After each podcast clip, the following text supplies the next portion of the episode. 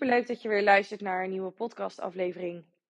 Ik kan bijna in herhaling vallen ten opzichte van de podcastaflevering hiervoor, of nee, die daarvoor, waarin ik deelde over het prioriteit maken van je content. Dat was precies op de dag dat mijn zoontje weer naar school was, na zijn ziek zijn. En wij waren er echt van overtuigd, mijn man en ik, dat hij weer beter was. Nou, je raadt het al, dat was hij dus niet. Heel de rest van de week is hij thuis geweest. En um, ja, daar kwam dus niks van die podcast. Er is 3 februari nog een podcast online gekomen, omdat ik die maandag de 31ste had opgenomen. En daarna dus niet meer. Want nadat hij weer beter was na een hele week, moest ik natuurlijk heel veel klantwerk inhalen. En toen werd ik ziek. En vervolgens moest er nog meer klantwerk ingehaald worden en nog meer afspraken verzet worden. En het eerste wat er dan bij inschiet, is dus mijn eigen content. En wellicht is het herkenbaar voor je. Ik heb het daar ook al over gehad in de uh, podcast over prioriteit maken van je content. Dus ik ga hier niet in herhaling vallen. Maar life happens. En mijn klanten zijn voor mij het allerbelangrijkste. En voor jou denk ik ook. Nou, denk ik niet. Dat weet ik wel zeker. Klanten zijn altijd het allerbelangrijkste. En ja, content komt dan echt op een lager pitje te staan. En wat dan heel gemakkelijk gaat, is het schrijven van de content en dergelijke. Maar podcast opnemen, daar heb je A, een stem voor nodig. En B, ook voldoende tijd om ze op te nemen. En zo zit ik hier dan weer met het opnemen van deze podcast. Het is heel interessant wat er dan ook gebeurt bij jezelf. Allerlei gedachten die opkomen. Van, oh ja, nu moet ik weer beginnen. Of nu ben ik drie weken afwezig geweest. En dan start ik weer. Of hoe start ik dan? En dat geldt niet alleen hier voor deze podcast. Dat kun je ook hebben op Instagram. Wanneer je er gewoon moeite mee hebt om daarin te komen. En dat is allemaal oké. Want dat hebben we allemaal. Je hoeft niet te vertellen, nou, hier ben ik weer na zoveel weken afwezigheid. Een groot deel van je volgers heeft je zeker wel gemist, wanneer je daar gewoon uh, goed bij ligt, zeg maar. En een groot deel van die volgers heeft jou absoluut niet gemist. Die heeft het gewoon helemaal niet doorgehad. Dus je hoeft absoluut geen verklaring te geven voor je afwezigheid. Je bent vrij om dat natuurlijk wel te doen, maar weet dat het niet nodig is. Ik weet dat heel veel ondernemers het fijn vinden om soort van te starten met: daar ben ik weer, dit en dit is er gebeurd, daarom was ik afwezig.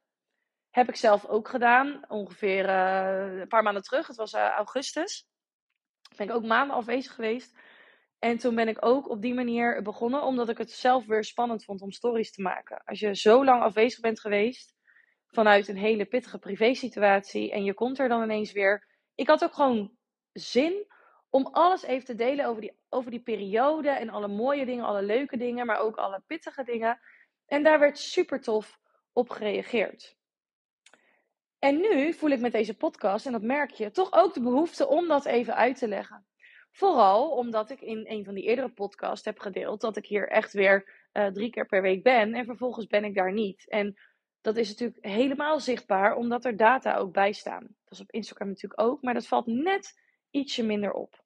Ook bent of keert, wij mensen vinden het ook fijn om uitleg te geven voor het feit dat we afwezig zijn geweest. Aan jou de keuze wat je daarin doet. De vraag die dan naar boven komt bij jou nu waarschijnlijk is: maar hoe pak ik dat dan weer op? Hoe pak ik daar dan in door, zodat ik niet weer voor zo'n situatie kom te staan?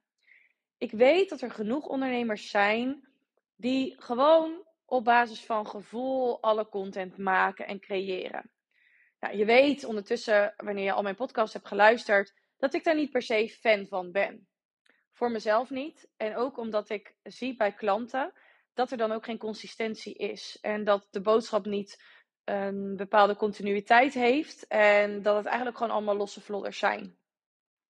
Wanneer je niet vanuit je hoofd die vertaalslag kunt maken naar wat er dan op dat moment nodig is voor jouw ideale klant om te horen, dan ben je ontzettend gebaat bij het maken van een contentplan en je daar ook daadwerkelijk aan houden.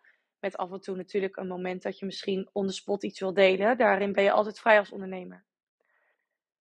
Ik merk dat ik het ontzettend fijn vind om genoeg content klaar te hebben staan. Of dat nu gaat om een nieuwsbrief, of dat nu gaat om deze podcastafleveringen, of dat nu gaat om mijn Instagram berichten of mijn Instagram reels. Op het moment dat ik mijn content kan batchen voor alle verschillende marketingkanalen en vooral ook voor Instagram, dan gedij ik daar gewoon heel lekker op. Dan kan ik gewoon met volle focus er voor klanten zijn en dan kan ik mijn content vooruitwerken in volle focus. Wanneer ik nu eenmalig even een podcast opneem, dan is die stap om na twee dagen weer een podcast op te nemen vele malen groter dan wanneer ik er gewoon drie of zes of negen of twaalf achter elkaar opneem. Dit is een proces bij jezelf wat je mag gaan ontdekken. Niet iedere ondernemer is hetzelfde. Ik zeg ook niet dat je dit volgens mijn manier moet doen. Het enige wat ik zeg is: ga voor jezelf ontdekken wat goed voor je werkt. Dus als je kijkt naar jezelf over de afgelopen periode, waar heb je dan mee geworsteld als het gaat om je content voor Instagram bijvoorbeeld? Ben je consistent geweest in je boodschap? Heb je regelmatig je aanbod ook daadwerkelijk gedaan? En wanneer jij tot de conclusie komt dat het eigenlijk niet zo is geweest, dan mag je nog een stapje verder kijken. En oké, hoe is dat nou gekomen? Had ik een contentplan en heb ik me daar niet aan gehouden? Kwam er ziekte tussendoor waardoor ik al die content niet kon maken? Of heb ik gewoon, ja, eigenlijk allemaal losse vlodders gedeeld zonder eigenlijk enige consistentie daarachter? Het is heel interessant om daar eens naar te kijken en daar dus ook mee te gaan spelen wat voor jou werkt. Want nogmaals, wat voor mij werkt, werkt niet voor jou. Ja, zo simpel is het uiteindelijk. En zo is het met alles ook, hè. Ik ben er voor mezelf nu helemaal achter, al, al was het toen voor 90%, nu wel voor 110%, dat ik het nodig heb om lekker te kunnen batchen, vooruit te kunnen werken, alles te kunnen inplannen wat ingepland kan worden, met hier en daar altijd ruimte over wanneer er iets gebeurt binnen de markt op Instagram. Of wanneer ik ineens denk, oh maar hier moet ik nu een podcast over opnemen.